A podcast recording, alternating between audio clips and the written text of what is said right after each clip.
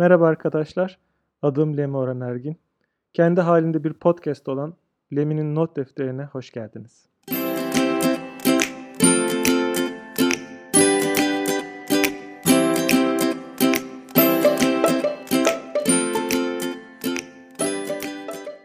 Bugün sizlere çalıştığım kurumlarda yıllardır organize ettiğim, bir kurum için çalışanlara en çok değer katan ritüellerden biri olan Brown Bag Session'lardan ya da bir başka deyişle Lunch and Learn buluşmalarından bahsedeceğim. Kariyerimizde benzer şikayetleri hep duymuşsunuzdur. Kendimizi geliştiremiyoruz. Hep benzer işler yapmaktan bunalıyoruz. Farklı bakış açıları kazanamıyoruz. Şirket içerisinde herkes ama herkes kendi başına mücadele ediyor. Paylaşım kültürü yok. İnsanlar birbirinin elinden tutmuyor. O yüzden farklı bakış açıları kazanamıyoruz. Bilgi sermayemiz hızla azalıyor. Seneler seneler harcıyoruz aynı işte, aynı ekiplerde. E, ve bir süre sonra bir bakıyoruz ki bilgi sermayemiz azalmış hatta yok olmaya yüz tutmuş. Biz başka bir şirkete ya da başka bir ekibe geçmeye niyetlendiğimiz zaman fark ediyoruz. Enerji dolu, motive, tutkulu gençler geliyor ve bu enerjileriyle, bu öğrenme aşklarıyla geliyorlar ve e, bizi geçiyorlar. Yani yıllarca e, emek verip, deneyim kazanıp bir süre sonra verdiğimiz emeğin ve deneyimin hiçbir işe yaramadığını fark ediyoruz zaman zaman. Bunları duymuş olabilirsiniz çevrenizde. Hatta kendiniz de hissetmiş olabilirsiniz. Aslında hepimizin ortak noktası şu. Çalışırken mesleğimizde daha iyi olmak istiyoruz. Daha iyi olarak da başarılar kazanmak istiyoruz. Peki daha iyi nasıl olacağız mesleğimizde? Kendimizi geliştirmek için zaman harcamamız gerekiyor tabii ki. Bu özel hayatımızdan çalmak mı yoksa mesai saatleri içerisinde buna vakit harcamak mı? Bu gerçekten cevaplaması zor bir konu. Herkes mesai saatleri içerisinde mesleğini daha iyi yapabilmek için kendini geliştirmek zorunda. Şirketler için çok ama çok önemli bir ritüelden bahsedeceğim. Daha bilgili, daha vizyon sahibi, bilgisini paylaşmayı seven, farklı alanlarda kendini geliştirerek daha kaliteli işler başaran, işine daha tutkulu ve daha motive çalışanlar yaratabilmek için Brown Bag Session'lar, BBS'ler ya da Lunch and Learn oturumları düzenlemek gerekiyor. İsimleri İngilizce, çıkış noktaları yurt dışı olduğu için Türkiye'deki karşılıkları, Türkçedeki karşılıkları esasında iç seminerler diyebiliriz. E, şirket içerisindeki öğle arası seminerleri, öğle arası paylaşımları diyebilirsiniz ya da şirket içerisinde buluşmalar diyebilirsiniz. Ben kısaca bunlara BBS'ler diyeceğim. BBS'lerin tarihçesi çok eskilere dayanıyor aslında. Yani bundan 20-25 e, sene öncesine kadar e, öncesinde birçok şirketin Lunch and Learn adı altında birçok etkinlik düzenlediğini şu an biliyoruz. Özellikle üniversitelerde, üniversite hocaları derslerin derslerin sonrasında öğle arasına çıktıklarında öğrencilerin kendi kahverengi poşetler içerisinde sarılı e, öğrencilerin tostlarını ve öğlen yemeklerini getirdiğini e, ve bunları sınıflarda yediğini fark ediyorlar ve bu boşa ve sessizlik içerisinde bir saat boyunca insan, öğrenciler e, ve kendileri de dahil yemeklerini yiyorlar ve keşke diyor ke, yani muhtemel çıkış noktası şu olmuştur. Keşke birileri bir şeyler anlatsa da yemek yerken en azından onu dinlesem ve bu paylaşımdan faydalansam.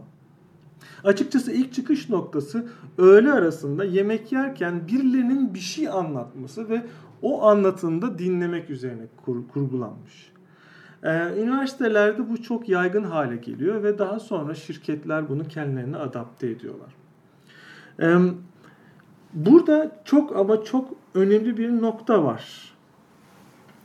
Bu etkinliği tek bir cümleyle tanımlamak istersek eğer düzenli olarak yapılan çalışanların iş arkadaşlarını eğittiği ya da iş arkadaşlarına yaptığı paylaşım buluşmaları diyebiliriz.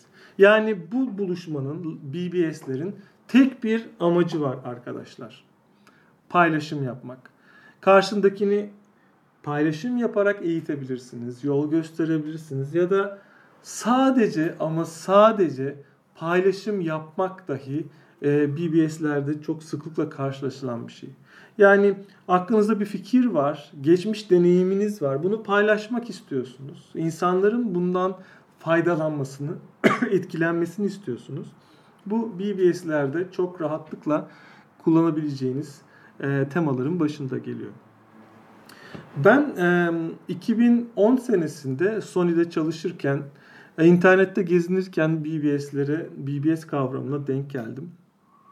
O zaman birçok büyük firma yani Yahoo gibi, Facebook gibi e, şirket içerisinde bilgi paylaşımını körükleyen, bilgi paylaşımını arttıran bu tip öğle arası seminerlerini yaptığını fark ettim. İnternette bunlarla ilgili birçok kaynak buldum.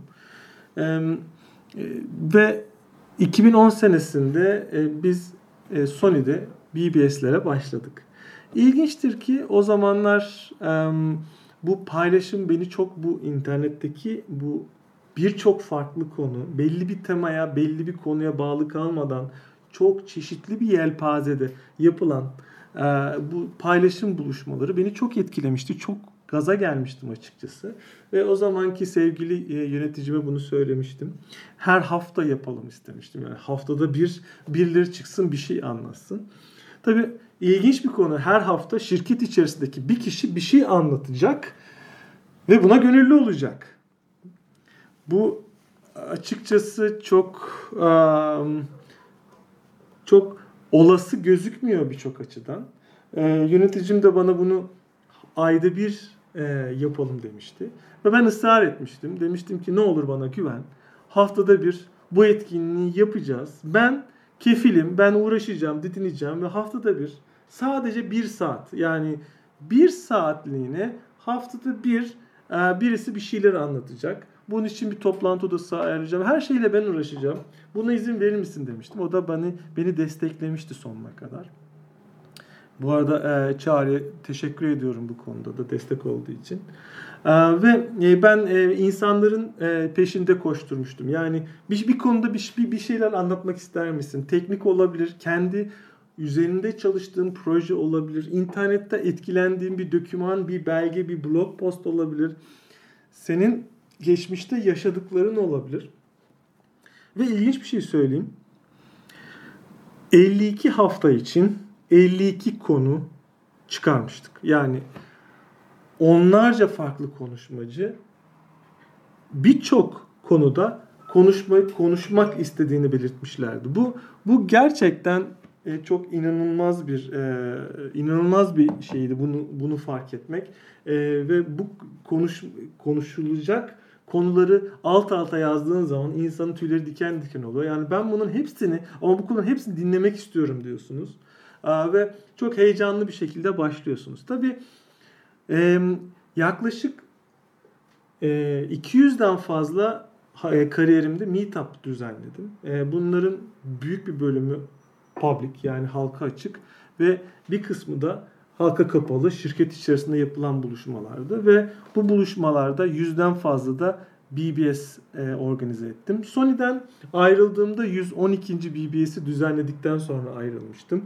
Daha sonra Sony e, bunu 200'e kadar çıkardı ve 200'ün üstünde üstüne çıktı. E, özellikle hem Sony'de hem daha sonra çalıştığım birçok firmada farklı isimlerle e, bu etkinlikler düzenlendi. E, Sefertası seminerleri e, Türkiye Finans'ta düzenleniyor aslında Brownback kavramının neredeyse bir karşılığı da sefertası diyebilirsiniz. Yemek sepetinde IT seminerleri diye başlamıştı. Ve birçok şirkette bu düzenleniyor. Şu an müşterimiz olan Scotty'de de içeride de düzenliyoruz ve 10. meetup'a kadar geldik. BBS'ler çok özel buluşmalar çünkü net birkaç kuralı var. BBS'lerde çalışanların konuşmacı olması gerekiyor. Tekrar ediyorum. Yani çalışanlar şirket içerisindeki iş arkadaşlarınızın konuşmacı olması gerekiyor. Yani dışarıdan süper konuşmacılar getirdiğiniz zaman çıtayı çok yükseltmiş oluyorsunuz. Çok profesyonel bir hale getirmiş oluyorsunuz. BBS'lerin olabildiği kadar amatör olması gerekiyor. Yani BBS'lerde mümkünse e, mümkünse o daha önce hayatı boyunca hiç sunum yapmamış, bir şeyleri paylaşmamış, insanların önünde konuşmaya korkan kişiler olmalı. Yani e, insanlar ya BBS'te ben e, iyi bir konuşmacı değilim, ben çıkmak istemiyorum korkusu olmamalı. O nedenle en azından ilk 50 BBS'te mümkünse dışarıdan iyi konuşmacılar getirmeyin. Özellikle içeride olabildiği kadar amatör konuşmalar olsun. Yani öyle konuşmalar e, hatırlıyorum ki e, yani karşımdaki kişinin ellerinin titrediğine, dudaklarının titrediğine tanık oldum konuşma yapan kişinin. Ama bu BBS'e özel bir etkinlik olmasının nedeni de bu aslında. Yani karşıdaki kişi konuşmacı bütün cesaretini toplayıp sizin karşınıza geliyor ve bilgisini ya da deneyimini anlatıyor. Bu büyük bir fedakarlık ve biz de orada dinleyici olarak çok ama çok özel deneyimleri duyma fırsatımız oluyor. Şimdi BBS'leri organize nasıl edeceğiz? Biraz size ondan bahsedeyim. Bir kere BBS'ler bir departmanın etkinliği olabileceği gibi yani mesela Sony'de Sony'nin yazılım departmanında bu e, ilk başta ortaya çıkmıştı. E, yahut bütün şirketinde olabilir. Bütün şirkete ait bir etkinlik olabilir. Keza mesela Scotty'de bütün şirkete şirketten katılımcılar ve konuşmacılar oluyor. Bu şu anlama geliyor. Konuşmacı herhangi bir departmandan olabilir ve herhangi bir konu olabilir.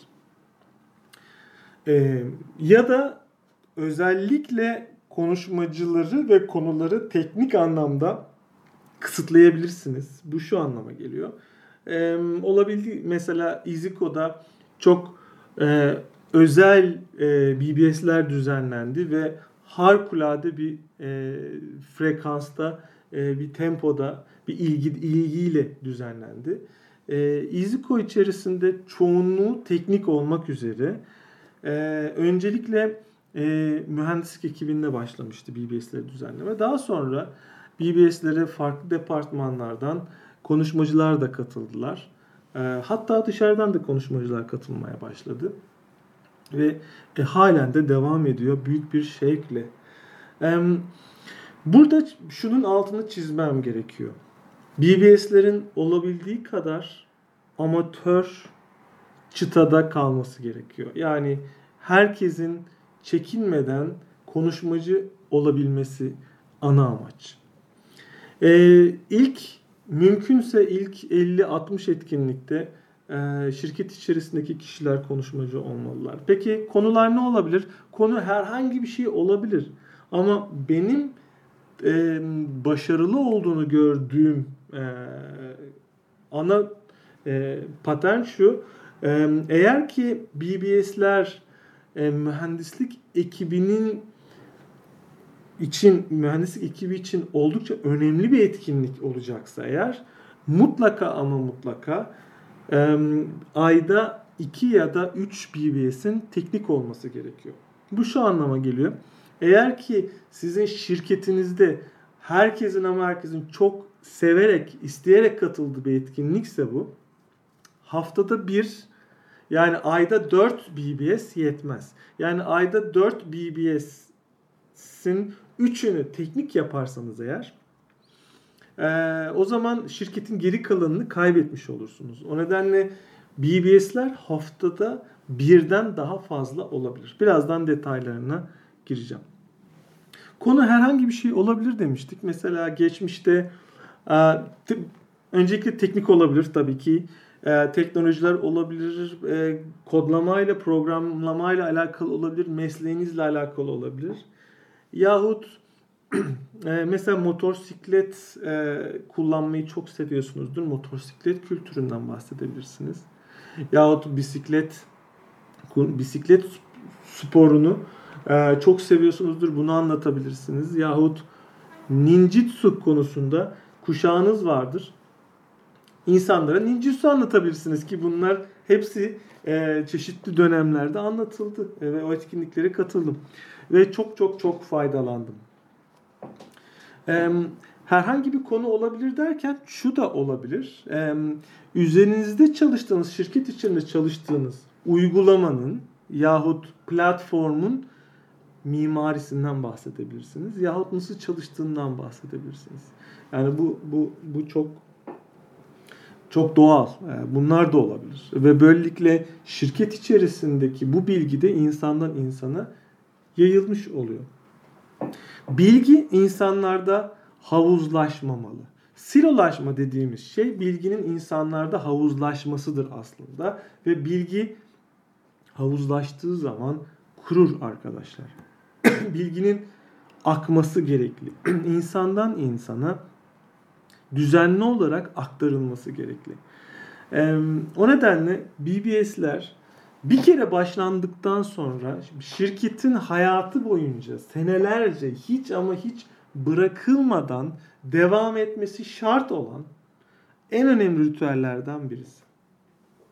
Peki Peki bunu nasıl e, başlatacağız? Şirketimizde bunu nasıl düzenleyeceğiz? Bir kere bir organizatörün olması gerekiyor. Evet yani bir kişinin ya da bir grubun buna dedike olması gerekiyor. Ben yazılımcıydım ama bu bilgi paylaşım ve bu buluşmaların düzenlenmesi konusunda çok istekliydim ve inisiyatif alarak bunu yöneticilerime sundum. Yani birilerinin bunun bu organizasyonu yapıyor olması gerekiyor. Tıpkı bütün topluluk buluşmalarında da arkasında çekirdek bir ekip vardır. Yani kurucusu olduğum Software Craftsmanship Turkey topluluğunda da biz e, 4 organizatörüz. Biz dört kişi Aykut, İbrahim, Erkan ve ben dördümüz organizasyonla alakalı vakit harcıyoruz, zaman harcıyoruz, emek harcıyoruz. Ancak etkinlikler ve faydalı etkinlikler ancak bu emekle beraber oluşuyor arkadaşlar. Bu kişilerin e, yöneticilerine BBS kavramını anlatması, BBS'in ne demek olduğunu, nasıl organize edildiğini ve bunun nasıl genele yayılacağını anlatması ve bunun faydasını ispat etmesi, göstermesi gerekiyor. Yönetim tarafından bir destek aldığında artık organizasyona başlayabiliriz. Birincisi fiziksel şartları uygun olan bir yer bulmamız gerekiyor. Yani bir toplantı odası. Eğer şirketinizin büyüklüğüne göre, eğer şirketiniz şirketiniz bir e, mesela 40 kişi kadarsa ya da sadece mühendislik ekibinde düzenleyeceksiniz. Mühendislik ekibi 40 kişi kadarsa o zaman neredeyse 40 kişinin sığacağı bir oda, bir mekan gerekiyor. Bu mekan İziko'da mutfağın da bulunduğu ortadaki arena bölümüydü. Sony'de çatı katında bulunan büyük toplantı odasıydı ki oraya 100 kişiden fazla sığabiliyor. Keza Yemek Sepeti'nin harikulade eski ofisinin harikulade bir bölümü vardı bununla alakalı. Ee, küçük bir oda insanların her hafta gelmesi için albenisi olmaz küçük bir odanın. O nedenle daha ferah, daha iyi bir yere ihtiyaç var. Eğer şirketinizde böyle bir yer yoksa şirketinizin yakınında ya da aynı binada bulunan bir odayı da tutabilirsiniz. Burada maddi anlamda yöneticilerinizin sponsorluğuna başvurmanız gerekebilir. Peki ne kadar sıklıkla düzenleyeceksiniz? Bir kere minimum sıklık haftada bir olmalı. Haftada bir her ne olursa olsun şirket batmıyorsa her ne olursa olsun haftada bir bu etkinlik düzenlenmeli. Hiç ama hiç atlamamalısınız.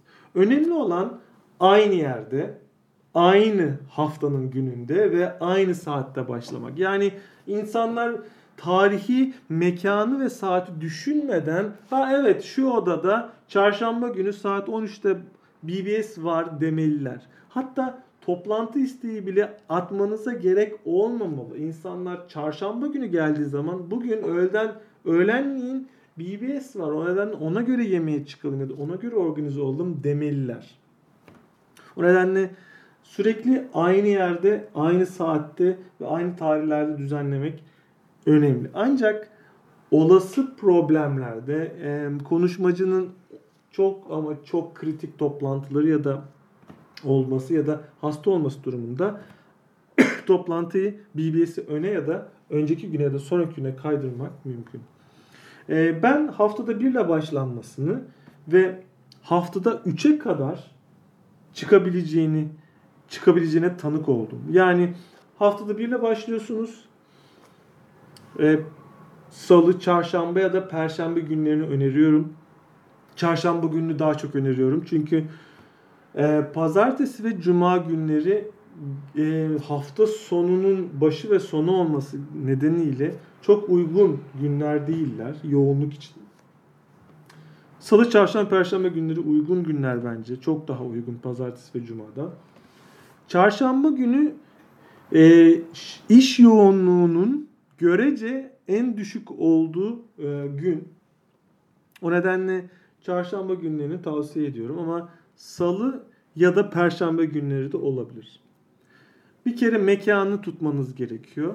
Tarihe düzenli olarak düzenleyeceğiz. Tarihe karar vermeniz gerekiyor. Ve saate karar vermeniz gerekiyor.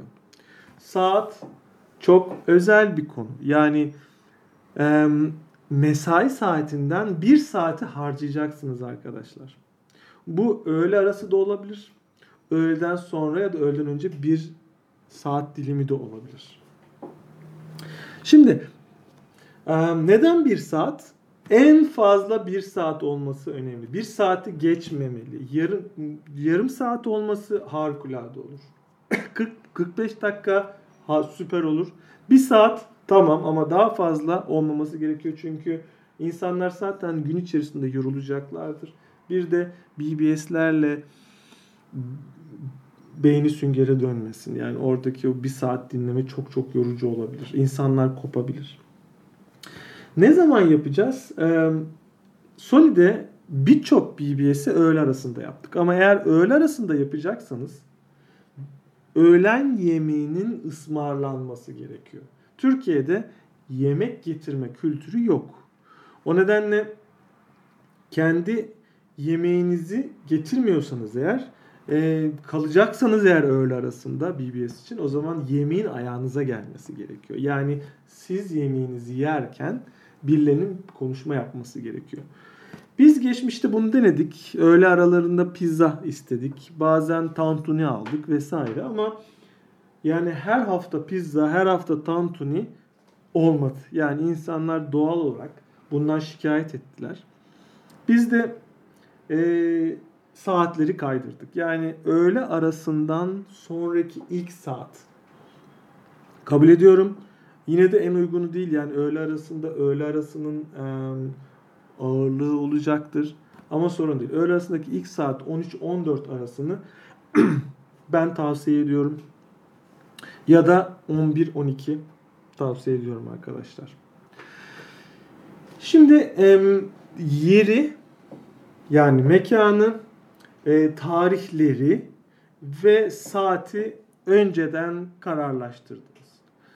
Bunları yaptıktan sonra BBS'i anlatan, BBS'in vizyonunu, ne yapacağınızı, nasıl bir etkinlik olduğunu anlatan bir yazı hazırlayıp insanlara anlatmanız gerekiyor. Yani BBS nedir?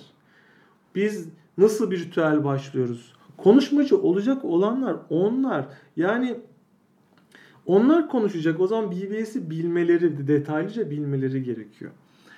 Onlara mail attıktan ya da onlara anlattıktan sonra herkesten birer konuşma istememiz gerekiyor. Çünkü onlar konuşacak. Bu arada dikkatinizi çekerim. Herkesten istiyorum. Herkes BBS yapacaksak eğer herkes en az bir konuşma yapmak zorunda.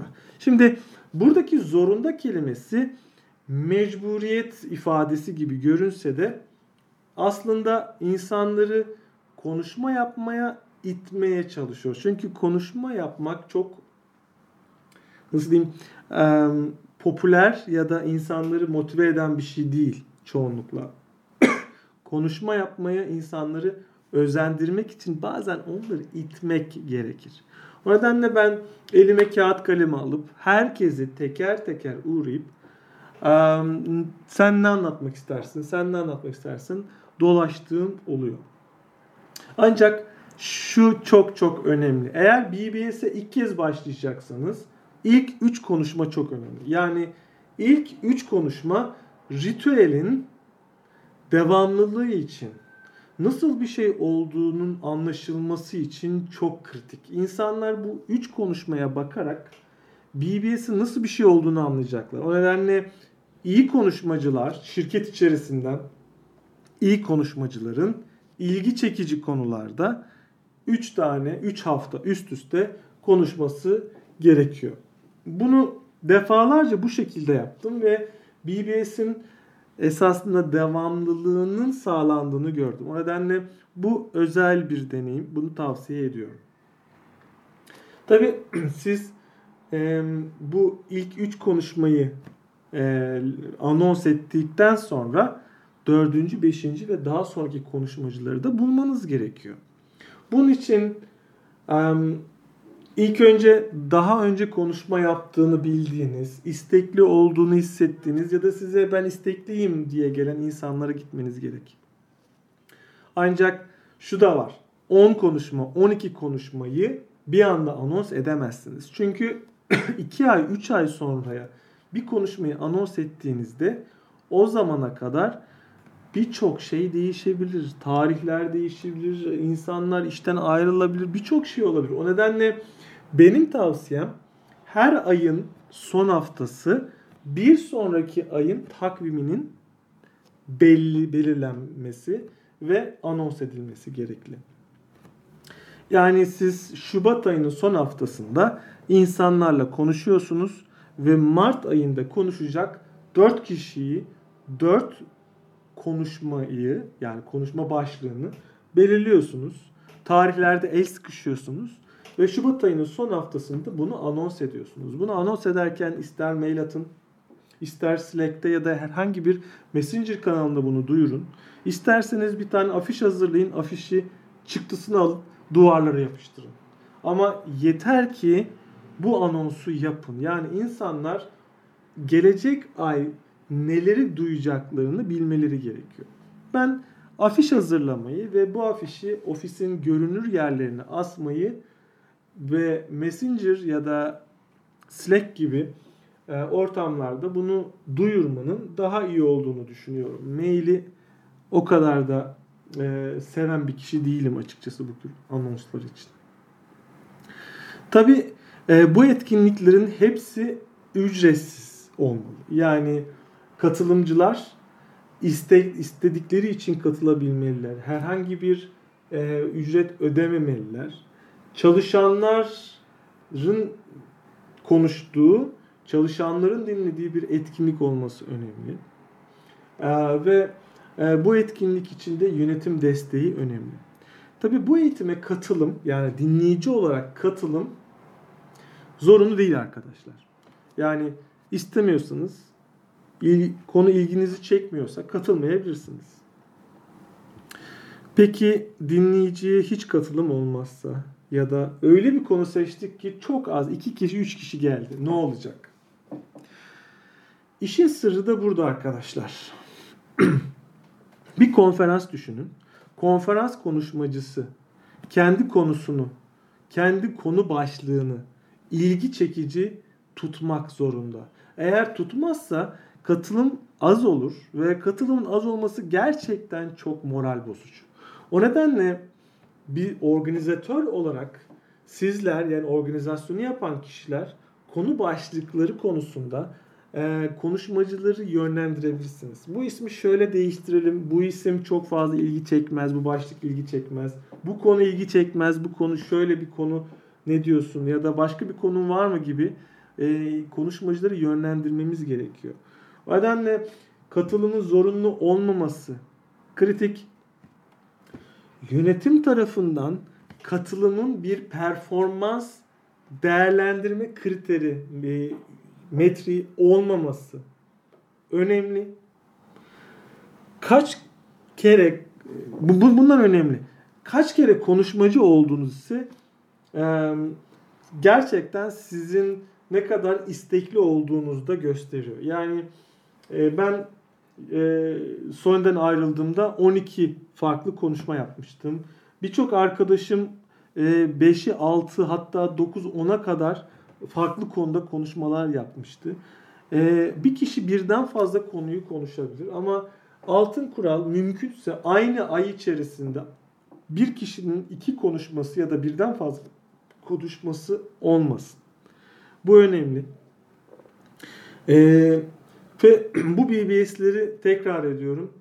Atlamamak gerekiyor. Her ne olursa olsun haftada bir, ayda minimum 4 etkinlik düzenlenmesi gerekiyor. Peki BBS'ler bize ne katacak? Aslında konuşmacı olanlar için çok ilginç bir deneyim. Çünkü insanların önüne çıkarak konuşma yapma yeteneklerini geliştiriyorlar. Mesela ben konferanslarda da konuşmacı oluyorum. Konferanslarda yaptığım konuşmaların birebir aynısını önce BBS'lerde yapıyorum. Ve bu benim için bir prova oluyor. Ve oradan geri bildirim topluyorum.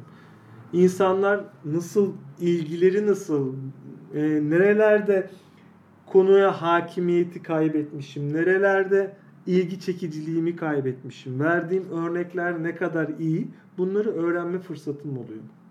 Çünkü konuşmamı dinlemeye gelen çok yakın iş arkadaşım, yabancılar değil. Oysa ki konferansta daha önce beni hiç görmemiş, tanımamış insanlar anlatacağım. O nedenle böyle geri bildirimler almak için çok çok önemli bir yer BBS.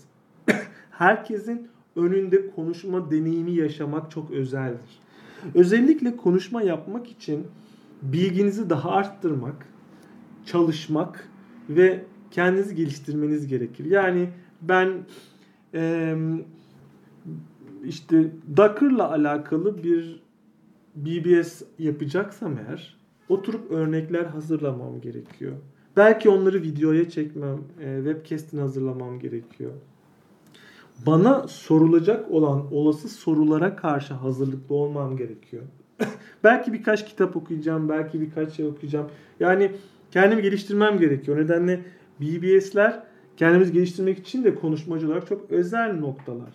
Ama şunu mutlaka gözden kaçırmayın. BBS yap, yapmak için çok ustalaşmak gerekmiyor arkadaşlar. Yani ben şunu çok sık duydum. Ya ben herkese anlatabileceğim kadar ustalaştığım bir konu bulamıyorum diyen arkadaşlarım oldu. Oysa ki bir dönem şu kararı almıştık. BBS'lerde bahsedeceğimiz konular daha önce hiç deneyimlemediğimiz konular olsun. Demiştik bir ara kendimize arkadaşlarla. Yani kendi deneyimlerinizi kattığınız gibi insanlara anlatmak için öğrenmek ve anlatmak için e, çalışmak da çok özel bir motivasyon. Yani düşünsenize ben daha önce hiç XYZ teknolojisiyle uğraşmadım. 3 ayım var. Evet. 3 ay sonra BBS yapacağım ve bu 3 ay içerisinde buna çalışacağım. Yani BBS'ler her zaman expert seviyesinde olması gerekmiyor. Introlar çok önemlidir. Yani intro seviyesinde yapabiliyor olmamız gerekli. Deneyimlerimizle expert seviyesi olursa ne ala. Yani tabii ki e, bir işin ustaları bu işi anlatmalı. Varsa anlatsınlar. Ama daha önce hiç ilgilenmediğiniz bir konuda da BBS yapabilirsiniz. Ama bugün değil bir ay sonra, iki ay sonra, üç ay sonra. Siz organizatör olarak insanların başını ekşitmek zorundasınız. Onlardan söz almalısınız. Yani bu konuda bana bahsettiğin konuda iki ay önce BBS yapacağım demiştin. iki ay sonra yaparım demiştin. Zaman geldi. Gelecek ay BBS'i yapabilir misin? Burada insanları sormak ve başını ekşimek önemli ama zorlamamak gerekiyor. Yani yoğundum, şu an uygun hissetmiyorum dediklerinde okey sorun yok. Sen ne zaman hazırım dersen BBS'i o zaman organize edeceğim. Ama bil ki senin peşini bırakmayacağım. Yani bunu hep soracağım. Hani Çünkü çok güzel bir konu, çok özel bir konu. Bu konuda anlatmanı istiyoruz biz de. Senin dinlemek bizim için büyük bir onur olacak. O nedenle e, ben senin yanına yine geleceğim. E, ama bil ki e, buna hazırlık yapmak için e, vakit ayırman gerekiyor. Demek gerekiyor. Dinleyiciler için birbirinden farklı onlarca konuda fikir sahibi olmaları çok özel. Yani vizyonlarını arttırıyorlar dinleyiciler. Ve her gün aynı konuyu, aynı şeylerle uğraştıktan sonra çok farklı bir alanda, farklı konularda kendini geliştirmek çok iyi oluyor. En az 2-3 arkadaşımdan şunu duydum. Eğer ben hala bu şirkette kalıyorsam gelecek hafta çarşamba günü yeni ne duyacağımı, ne öğreneceğimi merak ettiğim içindir. Bu sözü duymak inanın benim için dünyalara bedeldi. Ee, BBS'in gücü burada. Siz de şirketinizde hem kendiniz hem iş arkadaşlarınız hem şirketiniz için iyi bir şey yapmak istiyorsanız BBS'lere başlayın arkadaşlar. Organize edin. Büyük organizasyonlar önemli değil. Büyük büyük başlamayın. Ekibinizde 5 kişi dinlesin, 6 kişi dinlesin ama bu organizasyonu yapın.